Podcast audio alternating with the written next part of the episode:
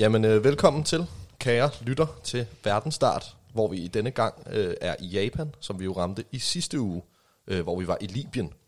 Og øh, i dag der sidder vi altså igen fire mennesker rundt om vores spisebord.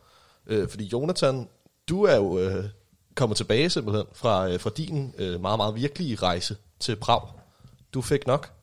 Jeg fik simpelthen nok af, af corona-Prag, så at Ja. sige.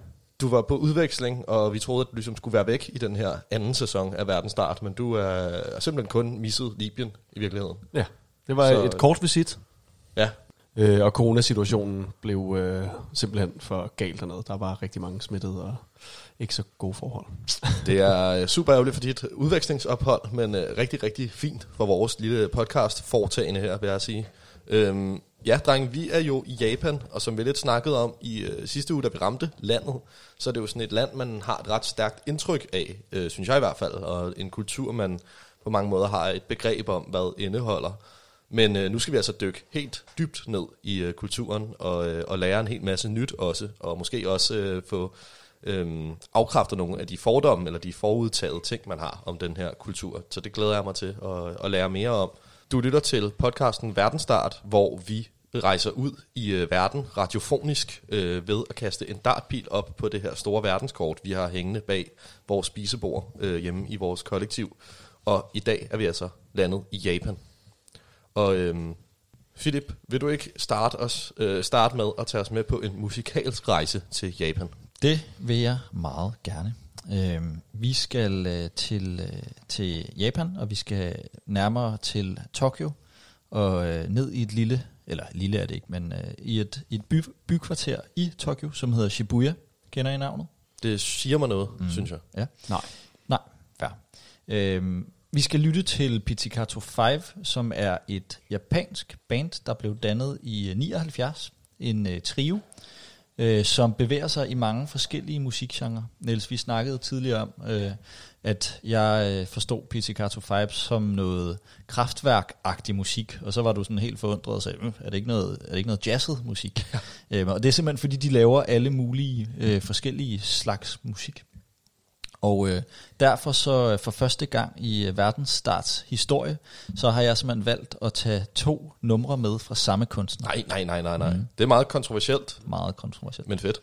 Men øh, den her gruppe, Pizzicato 5, de var aktive fra 79 og til 2001, og øh, producerede en hulens masse albums, singler og, øh, og musik til film og serier. Og lige præcis musik til film og serier, det skal vi lytte til i dag. Øhm, men denne her, nu snakkede jeg om Shibuya før, det er fordi, at denne her øh, musikgenre, som Pizzicato 5, de, øh, de skriver sig ind i, det er øh, den såkaldte Shibuya Kai-bevægelse. Og øh, Shibuya, nu sagde du, Niels, at du, øh, at du kendte navnet. Det er fordi, det er det her øh, kæmpe store kryds, Ah, ja, helt sikkert. som man kan gå øh, parallelt over. Ja. Så man har set mange billeder af med tusindvis af mennesker, som Ja. strømmer i, øh, i det her businesskvarter i, øh, i Tokyo. Øhm, det er simpelthen et verdenskendt kryds, hvor man kan, øh, ja, hvor helt op til 2.500 mennesker, de krydser gaden, øh, når der bliver grønt, altså i, i myldretiden. Og om dagen så krydser 250.000 mennesker det her kryds. Det Så det var meget vildt, øhm, og grunden til, at der er blevet lavet en, en musikgenre med det her Shibuya-navn, det er fordi, det er en mikrogenre inden for popmusik, som er opstået, da alle de her detailhandelsbutikker, altså supermarkeder og, og skobutikker, hvad det nu måtte være i det her område, de havde brug for noget karakteristisk musik, og så gik øh, forskellige kunstnere i gang med at lave det her øh, sådan poppede, sukkersøde øh, musik med sådan en vokal, der sådan er meget behagelig og piget og kvindelig og feminin. Øh, og det skal vi altså prøve at, at høre nu her. Det er nummeret Nata di Marzo med Pizzicato 5.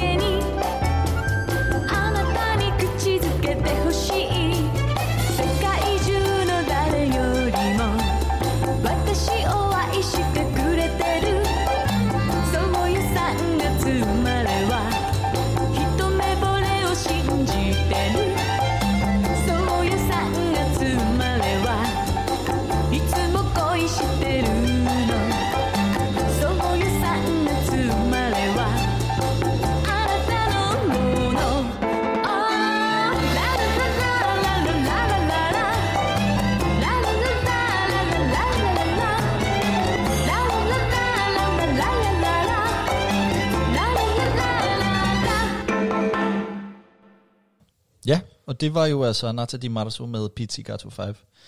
Jeg synes, det er et fedt nummer. Hvad synes I om det? Rigtig dejligt, mm. synes jeg. Øh, ja, sjovt og sådan let og ja. hyggeligt på en eller anden måde. Mm. Ja, jeg er også øh, stor fan af det. Kender det lidt i forvejen fra 4. division på P1, hvor det her er deres introsang Ah, okay. og deres og det var derfor. Mm. break-sang.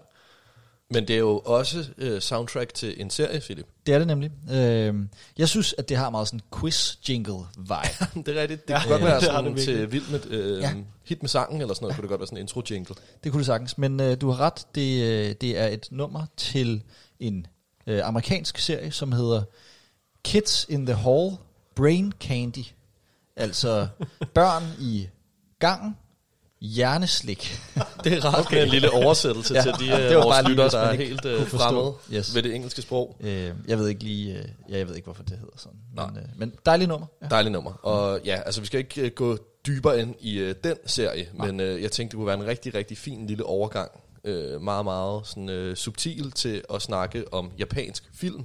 Go for it. Øhm, fordi det skal jeg snakke om i dag. Jeg læser film- og medievidenskab til dagligt, og øh, ved derfor en smule om film i hvert fald, og øh, hvor japansk film jo virkelig er en af de helt store øh, sådan på den internationale scene, kan man sige. Og jeg kan ikke rigtig komme i tanke om, ud over USA, øh, et land, hvor filmindustrien øh, fylder så meget sådan, i, i deres populærkultur.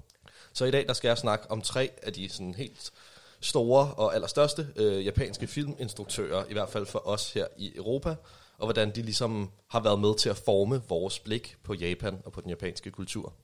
Og øh, vi starter med gode gamle Akira Kurosawa, som øh, lavede, øh, er mest kendt i Europa for at lave de her øh, stort anlagte samurai-film, med masser af statister og øh, slagsmål og øh, seje samurai-svær og alt det her, man ligesom forbinder med man kan sige sådan det feudale Japan og mm. det middelalderlige, øh, den middelalderlige øh, japanske kultur, øh, sådan den traditionsrige kultur. Og Christoffer, jeg ved, at du også har et stort forhold til Akira Kurosawa, og måske endda endnu mere end jeg har. Hvordan øh, tænker du på, eller hvordan, hvilket indtryk af Japan giver hans film dig? Ja, men altså meget det her heltebillede, samurai-agtige. Hvis man er til western, så er det måske sådan en meget god parallel, at han er lidt mm. øh, Japans Sergio Leone på en eller anden måde, som var ham, der har lavet de her spaghetti-westerns med Clint Eastwood. Og han har ligesom også, han har jo den samme øh, hovedrollefigur også i mange af sine film, øh, der bliver spillet af den samme skuespiller, der hedder Toshiro Mifune, Ja. som altså ligesom gestalter den her øh, sådan fejlbarlige samurai-helt, kan man sige, som øh, kan, ikke kan styre sit øh, humør og sådan flipper helt ud og er sådan meget barnlig og helt vildt sådan ekspressiv på mange måder. Øhm, som jo også minder ja, om, øh, om, øh, om western-heltene, kan man sige. Og det er en rigtig god parallel at lave, fordi at man tænker, kan jo tænke på ham som en meget øh, japansk instruktør, og netop det billede, han giver af det her meget, meget traditionelle japanske samfund, men i virkeligheden er han, er han meget sådan direkte øh, taget sin indflydelse fra westernfilmene og fra amerikanske film, og han har for eksempel også lavet den film, der hedder Throne of Blood, som er en adaption af et øh, Shakespeare-stykke, og han er meget inspireret af Dostojevski, den russiske forfatter og sådan noget, så han er ligesom han har ligesom et bredt udsyn ud over hele verden, og øh, tager egentlig rigtig mange vestlige indflydelser ind i sin øh, film, men man tænker på ham som den her meget, meget japanske skikkelse. Ja. Men Øh. han har vist også inspireret en af Sergio Leones film, faktisk, så vidt jeg husker. Ja, The Magnificent Seven er jo også en genindspilning af De Syv Samuraier i hvert fald. Ja, jeg tror, jeg tænker Og- på Hævn for Dollars. Ja. Så der er ligesom sådan en, øh, der er sådan en vekselvirkning mellem, øh, mellem westernfilmen og samurai-filmen, som er, som er ret sjov. Ja. Øhm, men ja, han er ligesom indgangen til det her meget tradi- øh, traditionelle, gammeldags og også uddateret, kan man sige, japanske samfund, men som vi alle sammen har et stærkt billede af, tænker jeg, i vores hoved. Når vi tænker på en samurai, så ved vi, hvordan han ser ud med sit lange svær og sin kimono, og man ved ligesom, ja, hvad det er for nogle, nogle ting, der er på spil, når man snakker om, øh, om samurais samfund. Og det har jeg i hvert fald fået meget ind med, med Kurosawas film her. Ja. Men ja, fra øh, filmens verden tilbage til musikken, Jonathan. Vi skal høre den næste nummer. Det skal vi nemlig, og vi skal besøge nogle af de japanske pionerer inden for elektronisk musik, og nogle af dem, der også som nogle af de første begyndte at bruge synthesizers.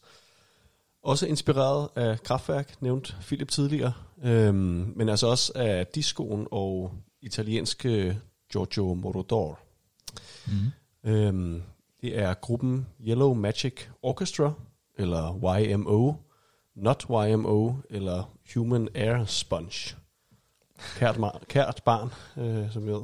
Hold da op, ja. Øhm, de tre grundlæggere, Harumi Hosono, Yukihiro Takahashi og Ryuichi Sakamoto, de var allerede store navne i 70'erne i Japan, og gik ligesom, ligesom sammen øh, i deres interesse for det elektroniske.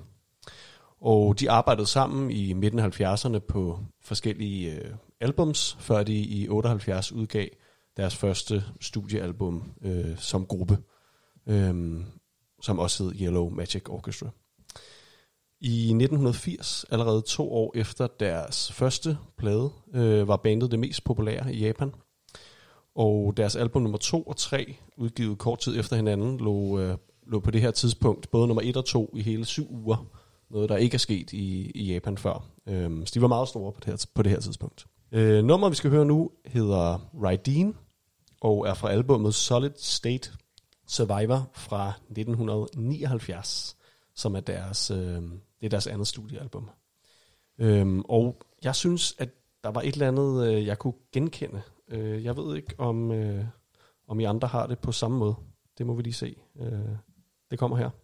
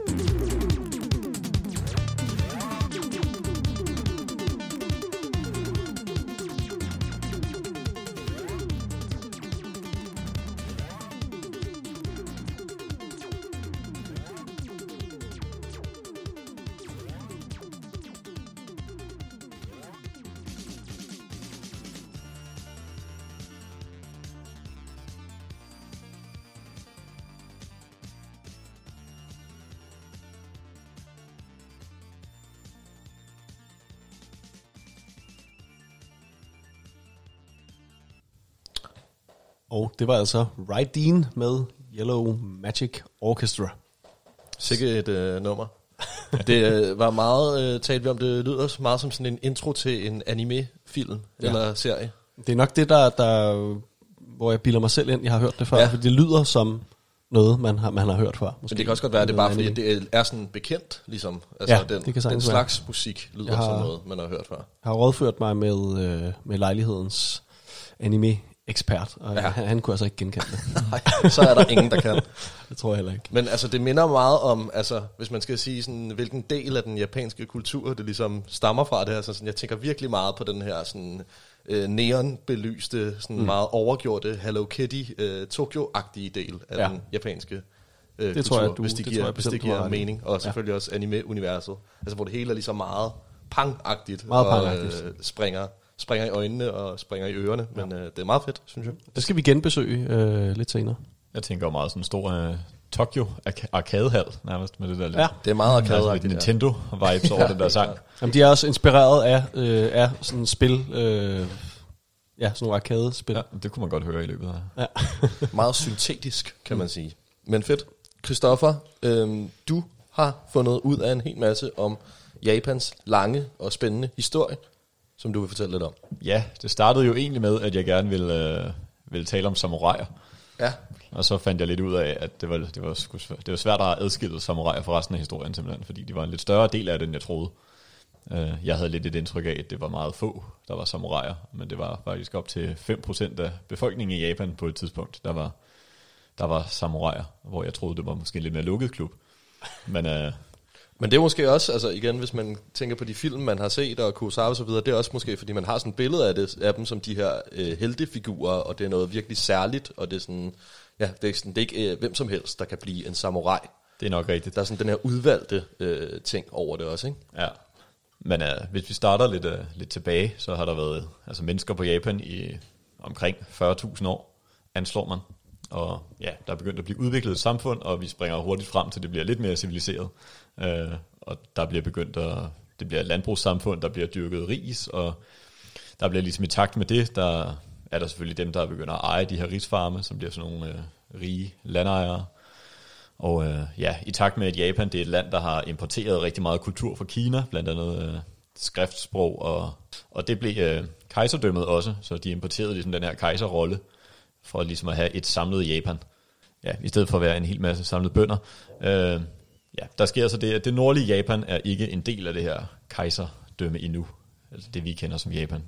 Det var, øh, det var befolket af et folk, der hed Emishi, som var i krig med det her Japan-kejserdømme. Og Emishi var generelt bedre. De var bedre soldater simpelthen. De red på heste og benyttede bue og pil, og japanerne var, var rimelig dårlige soldater dengang. Så de begyndte at efterligne de her Emishiers militærmetoder. Og det er egentlig lidt sådan, samuraien opstår, at de bliver bedre, de begynder at ja, kunne ride blandt andet, og bruge flere våben end spyd. Og ja, så danner samuraien sig ligesom. Og så samuraiernes leder, det hedder så en, en, en shogun, eller en shogun, jeg ved ikke helt, hvordan man udtaler på dansk faktisk. De færdiggør den her krig med emishierne, og ja, til den tid så er samuraierne ikke rigtig andet at lave. Så de bliver ligesom øh, private legesoldater for de her, de her rige, feudale, ikke rigtig adelsmænd, men de hedder daimyoer, som ligesom var det, man kaldte en landejer i det gamle Japan. Og det var så det, øh, samuraierne tog sig til i ret lang tid. Egentlig bare at være privat her, de enkelte samurai-klaner. Og den her shogun bliver så også mere og mere magtfuld, som ligesom er overstyrende over alle samuraierne. Så han ender egentlig reelt set med at blive sådan, ham, der styrer Japan rigtigt. Mens kejseren lidt bliver en kransekagefigur. Nå, men de her daimyoer der, de, øh, de er både bange for hinanden, de frygter hinanden, de kan ikke lide hinanden, de her landejere, så de har de her samuraier i ret lang tid. Øh, der er rigtig mange, rigtig mange borgerkrige, jeg prøvede sådan lidt at få overblik over det. Det kan man næsten ikke. Øh, fordi der var så, der er simpelthen så mange konflikter, og magten har skiftet meget mellem kejseriet og shogunen i lang tid.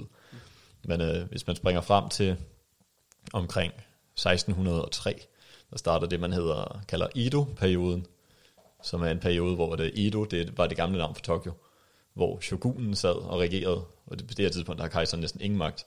Og øh, han lukker simpelthen bare landet af for resten af verden fra 1630 og 200 år frem. Øh, så er der lukket, og så er Japan bare inddelt i en hel masse små individuelle landområder, som de her, de her feudale herrer ligesom har med, øh, med deres samurai herrer, og er egentlig en relativt ikke helt fredelig periode, men, men en, en, en relativt fredelig periode. Der er stadig nogle konflikter. Jeg kunne læse mig frem til, fordi at geværerne og riflerne var ligesom kommet til Japan på det her, men det blev ligesom anset, at konflikterne, der var i den tid, de var så små, at man ikke rigtig brugte gevær, så man løste det ligesom med svær. Mm. Der skulle åbenbart større ting til, før det var en, øh, en pistol. Nå, men den her lukkede periode med... Øh, den sluttede simpelthen ved, at øh, den amerikanske flåde kom til Japan i 1853, og nogenlunde sagde, at altså, de ville simpelthen blive bombet, hvis de ikke åbnede landet, og de ville gerne i gang med at handle lidt i området. Der. Så, så sagde shogunen, øh, okay, Hold da op. det, den, den, godtog, den godtog de simpelthen. øh, og de fik lov til det. Det skabte så et oprør i den japanske historie, fordi at der var sådan nogle regioner, der de var ikke helt glade for, at der blev åbnet op, og de var slet ikke glade for, at det var, at det var amerikanerne, der ligesom skulle tvinge Japan til at åbne. Det så de lidt som en ja, som vandager. Øh, så, de, øh, så de begik oprør, og øh, så, så kom kejserdømmet så tilbage igen. Og det gjorde så, øh, i den periode, der blev Japan ligesom samlet, de, de her feudale herrer, de fik mindre magt. Japan blev mindre samlet, og der var mindre behov for samuraierne. Øh, de blev simpelthen, fordi man begyndte at lave et mere traditionelt, en stor hær. Der var en lang periode, hvor det kun måtte, var samuraier, der måtte bære våben, hvis man ligesom var en del af den klasse. Og det, øh, det måtte man så, ja, det blev ophævet, og der kom en normal her, der kom normal værnepligt, man skulle have fire år i hæren. Øh, det førte, ja, det var egentlig bare det, der førte til samurajernes nedgang her i 1860'erne og 70'erne, og til sidst så, så ophørte det helt med at være en ting, og så begyndte Japan jo så at ja, erobre en masse af Asien og deltage i verdenskrigene, og den del, man måske kender lidt mere i dag, som jeg også kan komme lidt mere ind på senere. Ja, fordi øh, ja, som du siger, så det her med deres rolle også i Asien, øhm, er jo også ret voldsom, ikke? Altså, de har jo virkelig været en hæftig, hæftig militærmagt, der har øh, kolonialiseret og altså dræbt og voldtaget og været virkelig, virkelig øh, Ja, det har de. grusom i, Det var- i store dele af Asien, ikke? Ja, det var også lidt et produkt, der kom ud af det, efter de ligesom blev åbnet op fra resten af verden, der begyndte de også at ekspandere. Ja. Det, det lærte de ligesom. Mm. Øh, og det- de implementerede en del vestlige værdier, og en af dem kan man måske så også sige, det var måske at erobre land, der ikke rigtig var deres. Ja. Så, øh, så de tog selvfølgelig Korea og noget af Kina, og havde to krige med Kina, og kom i krig med Rusland, og de brugte jo nogle forfærdelige metoder, når de havde krig. Mm. Ja, det er nemlig sådan, det er jo lidt berygtet for virkelig at være nogle, altså nogle sindssyge ting, de har gjort. Ja, fordi de angreb jo den her by, som hed Nanjing i Kina, og det blev jo, ja, det har, nu kalder vi den bare den engelske titel, men altså det slag blev jo kaldt The Rape of Nanking, altså mm. simpelthen en voldtægt af byen, fordi at de bare kom ind, og det var en massakre simpelthen, de var meget bedre til krig end Kina, hvis man kan sige det så simpelt, så det blev, altså de kom ind, og så skød de og dræbte alle mændene, og så voldtog de alle kvinderne og pigerne. Så det var, altså der var jo mange barske løjer i deres krigshistorie, må man sige. Det er, øh, det er hæftige sager. Vi skal øh, til noget lidt mere rart og, øh, og sådan øh, hyggeligt nu, fordi at vi har jo spist en øh, lækker japansk middag, øh, som vanen er tro her i Verdensstart, inden vi satte os til at optage, og Jonathan, den var du med til at finde på at lave. Ja, Hvad var det for noget? øh, jamen vi har simpelthen været i øh, lille asiatisk øh, købmand og øh, ude at købe noget, noget fisk. Øhm, vi har fået to retter. Mm-hmm. En forret, miso-suppe, Mm-hmm. øhm, som du måske ved lidt mere om faktisk, Philip. jeg Ja. gør. Altså, øh, miso, det er, det er en fermenteret bønnepaste, sojabønnepaste. Øhm, så, så der er ligesom en, en gæringsproces, øh, gæringsproces, som sættes i gang af en koji, som er en skimmelsvamp. Øhm, og så, så ligger det ellers og, og fermenterer i, ja, jeg ved ikke hvor lang tid, før det får den her paste. Øhm, paste, øh, hvad hedder det? Pasta. Nej, jeg, jeg leder efter konsistens, mm. før det får den her paste-konsistens. Øhm, den miso, vi fik, det var en mamme miso, som kun består af sojabønner. Man kan også få to andre typer miso, som øh, består af sojabønner og korn, og sojabønner og ris. Men vi øh, fik, altså her den rene sojabønne miso. Øhm, så det fik vi til forret. Der var nogle svampe lagt ned i den her suppe, og noget, nogle gulerødder, nogle forsløg og, og sådan. Og så er det ellers den her umami-smag, øhm, som, som ligesom er en balance imellem sødt og surt og salt. Og, ja, den her Og, balance. og til hovedret, øh, kan vi kalde det, fik vi en, øh, en sashimi bowl. Ja. Øhm, med noget rå laks mm. og øh, den her sushi-ris, øh, som man skal koge på en bestemt måde, øh, som der skal hældes en øh, speciel eddike ud over, for at risen får den her øh, sådan der typiske sushi-smag. Øhm, og med forskellige grøntsager, øh, radiser og gulerødder, udover øh, forårsløg og, og noget tørret tang blandt andet også. Mm. Øhm, Det var rigtig lækkert, synes mm. jeg. Øhm, Philip, du har jo været i Japan som mm. den eneste af os, og sådan, hvor, hvor, hvor, hvor rent øh, rammer vi den med sådan en middag her? Er det noget, man vil kunne gå ind på en hvilken som helst restaurant i Tokyo og, øh, og bestille, eller er det lidt vores øh, fortolkning?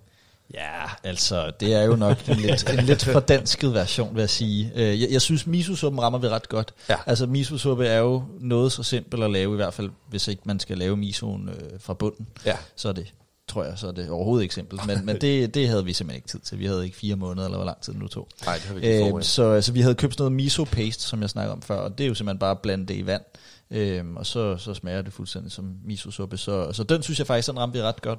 Den her bowl, som vi så laver bagefter, det er nok mere hen af noget Hawaiian øh, street food, altså det her poke bowl. Det er lidt sådan Øh, den øh, kaliforniske ja. øh, version af japansk mad. Det er eller det. Altså det, det, er jo, det vi laver, det er jo sådan lidt dekonstrueret sushi. Ikke? Altså Ja. vi, vi tager sushi-risene, som jo er de her øh, sticky rice, så bliver sådan nogle klistrede nogen. Øhm, så bruger vi tang, så bruger vi alle de forskellige råvarer, der, der ofte kommer i sushi, og så bruger vi øhm, fisk. Så det var jo sådan lidt dekonstrueret sushi, men, øh, men jeg synes sådan set, vi ramte den okay. Ja. Det der er ved øh, Japan og ved japansk mad, øh, nu er jeg ikke Japans ekspert, men det jeg oplevede, da jeg var i Japan, det er, at alt det japanske mad, som man får i Europa, det er meget, meget europæiseret. Øhm, sushi for eksempel, det, øh, det spiser man i Japan på en helt anden måde, end man gør her i Europa. Øh, Hvordan? Man, Det? Altså når man går ned på, øh, på et eller andet sushi-sted her i, øh, i København eller i Danmark, eller hvor det nu måtte være, i, i de fleste steder i Europa i hvert fald, jamen så er en sushi-rulle, den er for det første sådan, øh, så er det en indbagt reje, der er blevet frityrestegt. Og udover det, så er der både avocadoer, der er mayonnaise, og der kan komme lidt ristet løg, og der kan alle mulige underlige ting på sådan mm. en sushi-rulle. Både ovenpå og ind i. Øhm, og i Japan, der er det bare det helt modsatte. Altså der handler det bare om, så simpelt som overhovedet muligt, så rent og så gode råvarer. Altså der får man bare øh, ris, tun, færdig, og noget soja selvfølgelig.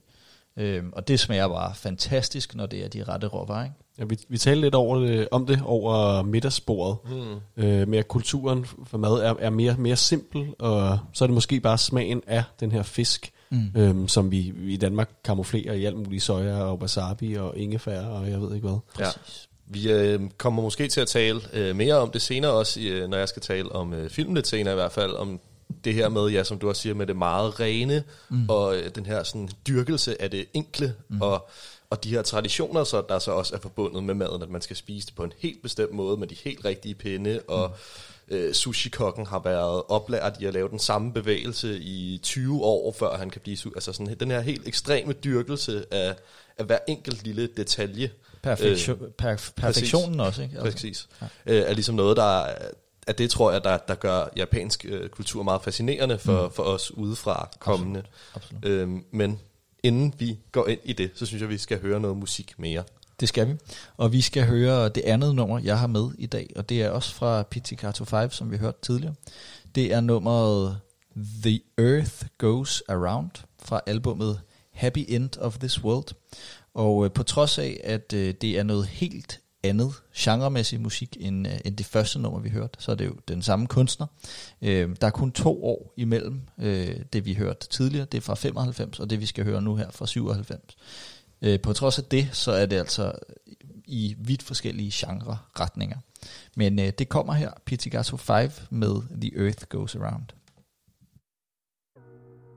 地球は回るよ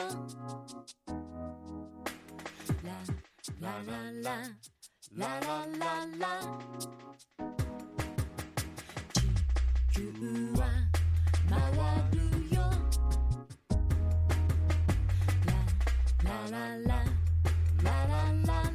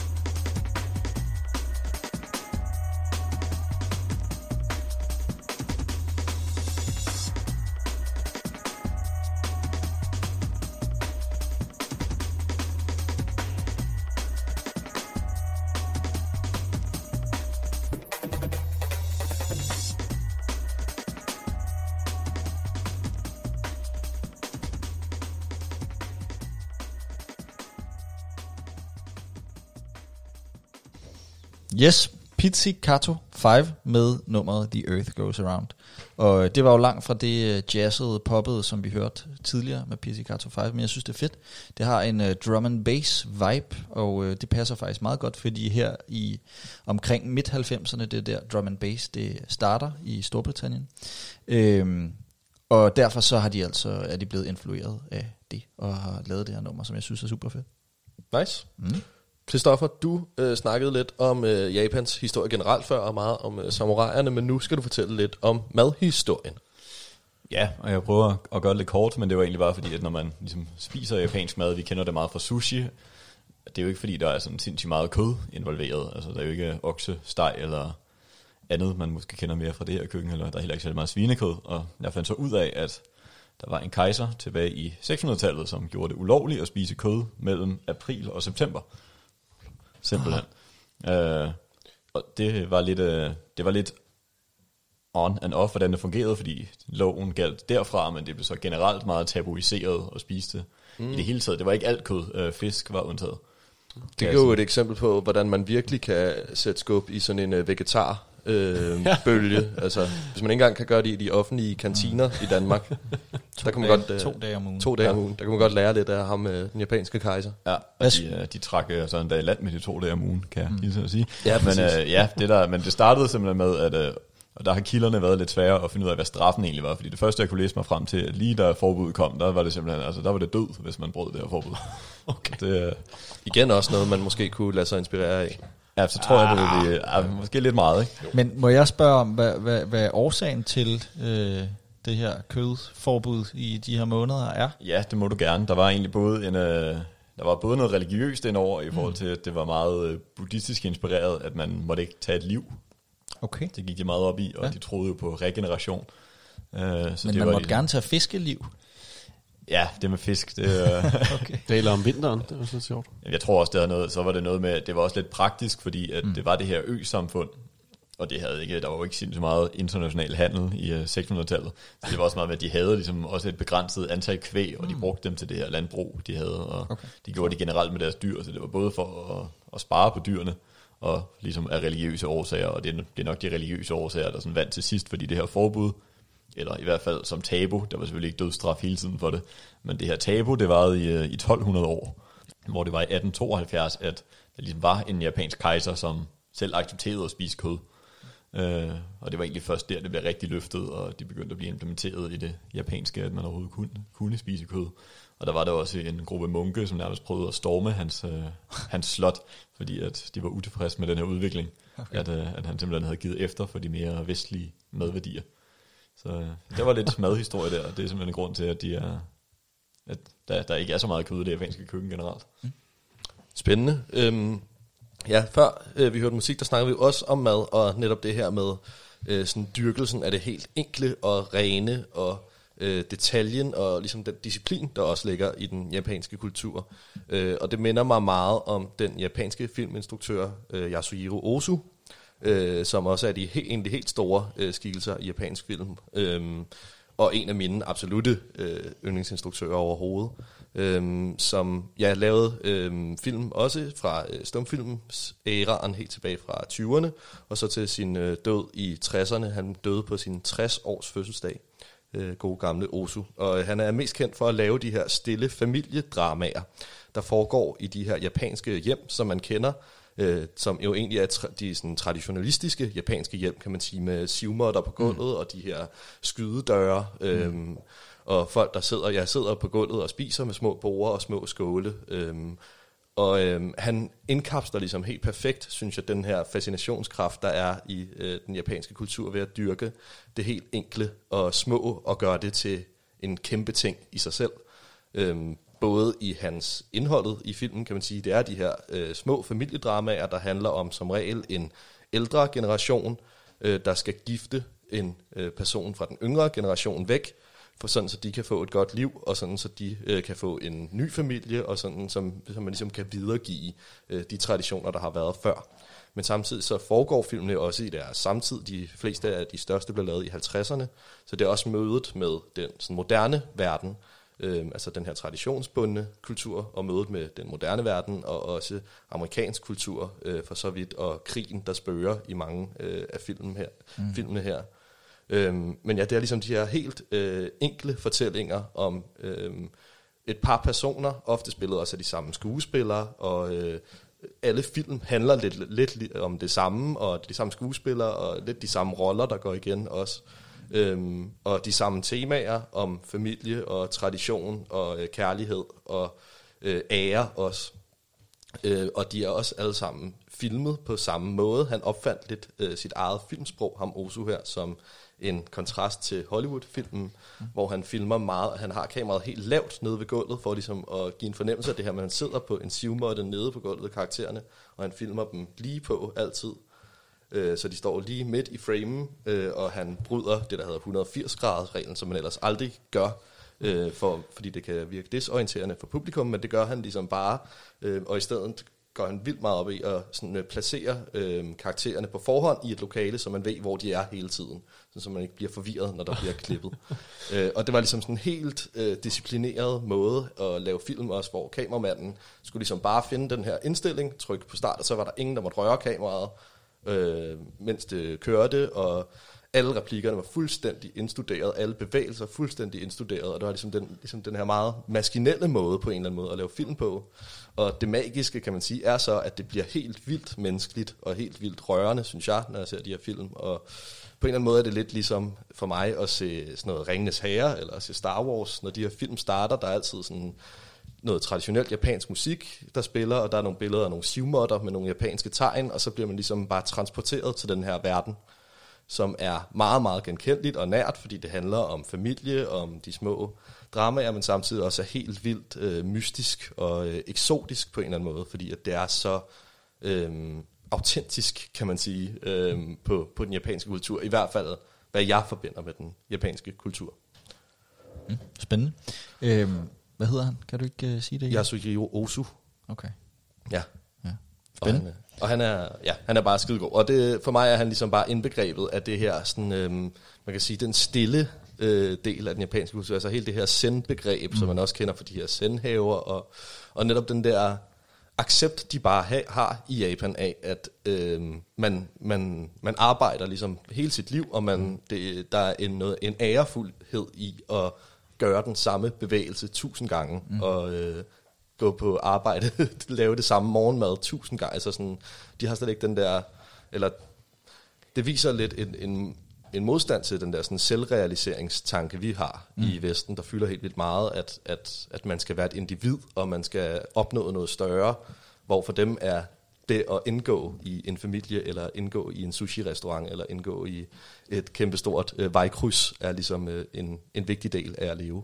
Ja, og så er det jo også en måde at opnå noget større på, Ja. hvor man simpelthen, hvor det store, det er at gøre noget perfekt, altså at kunne øh, tilberede risene lige præcis, som de skal være, eller øh, Præcis. få skåret tunen lige præcis, som den skal være, eller sørge for, at håndfladen er lige præcis den temperatur, så sushien smager bedst, når man lægger den ind i munden på en bestemt måde, eller sådan.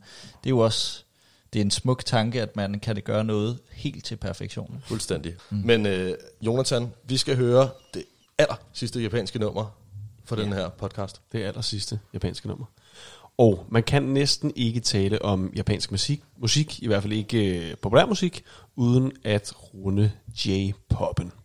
Som er navnet på den her japanske pop-genre, øh, som har rødder tilbage til omkring 60'erne. Det er lidt øh, forvirrende, hvornår det egentlig starter, men i mødet med øh, vestlig kultur. Øh, man mener, at man kan spore den tilbage til efter 2. verdenskrig, hvor amerikanske tropper havde amerikansk musik med til Japan.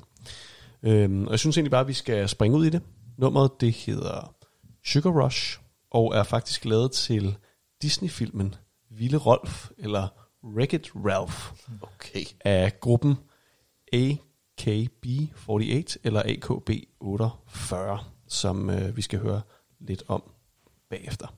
Det kommer her.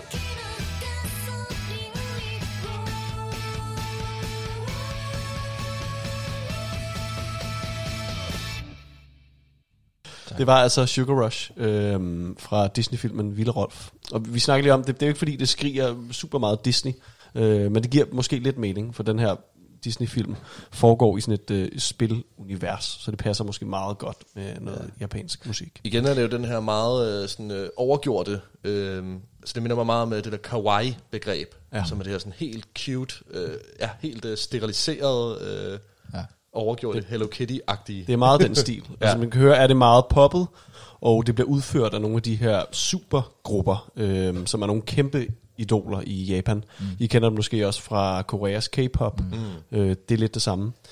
Øh, og det er blandt andet gruppen øh, AKB48, AKB48, øh, som nærmest er et fænomen i, øh, i sig selv i Japan. Det er en sådan danse, øh, synge gruppe bestående af piger, der optræder live og er Japans mest indtjenende musikoptræden. Okay. Øh, har teater i Tokyo. Og tanken bag er at skabe en, ja, en form for gruppe af idoler, som fans har mulighed for at møde i virkeligheden og se optræde. Og øh, der er altså virkelig, det er virkelig nogen, man, man dyrker i Japan. Og medlemmerne er omkring 20 år, så unge piger, øh, og der er omkring 100 af dem. Øh, Hold da op. som er delt op på forskellige hold og, og grupper internt i den her øh, store gruppe. Ej, øh, også så de ikke skal optræde hver dag. Og det, f- f- det, det er meget... Øh, de er alle, sammen omkring 20, så der er også stor udskiftning hele tiden. Det er sjovt. Det er jo simpelthen det japanske Wu-Tang-klan, Ja, vi har hørt det, det er lidt derhen af. øhm, og jeg har fundet et citat fra en anmeldelse øh, i Washington Post af AKB48, som jeg synes er meget sjov. Øh, den lyder, oversat til dansk, det er som om, hvis man hælder Miley Cyrus, Taylor Swift og castet fra Twilight ned i en gryde, og lader det simre indtil kun den søde, søde berømmelse er tilbage, og derefter ifører den øh, et lille skolepigeskørt og rottehaler. Så har man altså gruppens stil. Det er meget rigtigt. ja. Mm. Øhm, og det er ja, et meget godt eksempel på den her J-pop, som er meget, øh, meget ekstrem, Ja. øh, som også er en del af den japanske musikscene. Fedt. Øhm, ja, det giver egentlig meget god mening, det du snakker om, øh, at det er med til en øh, Disney-film, eller soundtrack til en Disney-film. Leder meget godt over i den sidste filminstruktør, jeg skal snakke om, som er Hayao Miyazaki, øh, som måske er den, der de fleste fra vores generation øh, kender af alle de japanske instruktører. Det er ham, der har lavet de her øh, kendte anime-film til Hiro og Heksene og Prinsesse Mononoke og øh, mm. så videre. Øhm, og ja, er kendt fra øh, det animationsstudie, der hedder Studio Ghibli, som er blevet kæmpestort også i øh, hele verden, især øh, på grund af hans film. Og øhm, man kan sige, det er jo egentlig lidt sjovt, for på mange måder er han også en kontrast til Disney, men er også inspireret af den slags øh, animationsfilm, de laver. Øhm, der, det, der er lidt sjovt, eller den plads øh, anime og manga og ligesom tegneserier har i Japan, er jo meget anderledes end hos os, hvor det ligesom er noget, der er målrettet børn meget, mm. og teenager med øh, superhelte comics og så videre.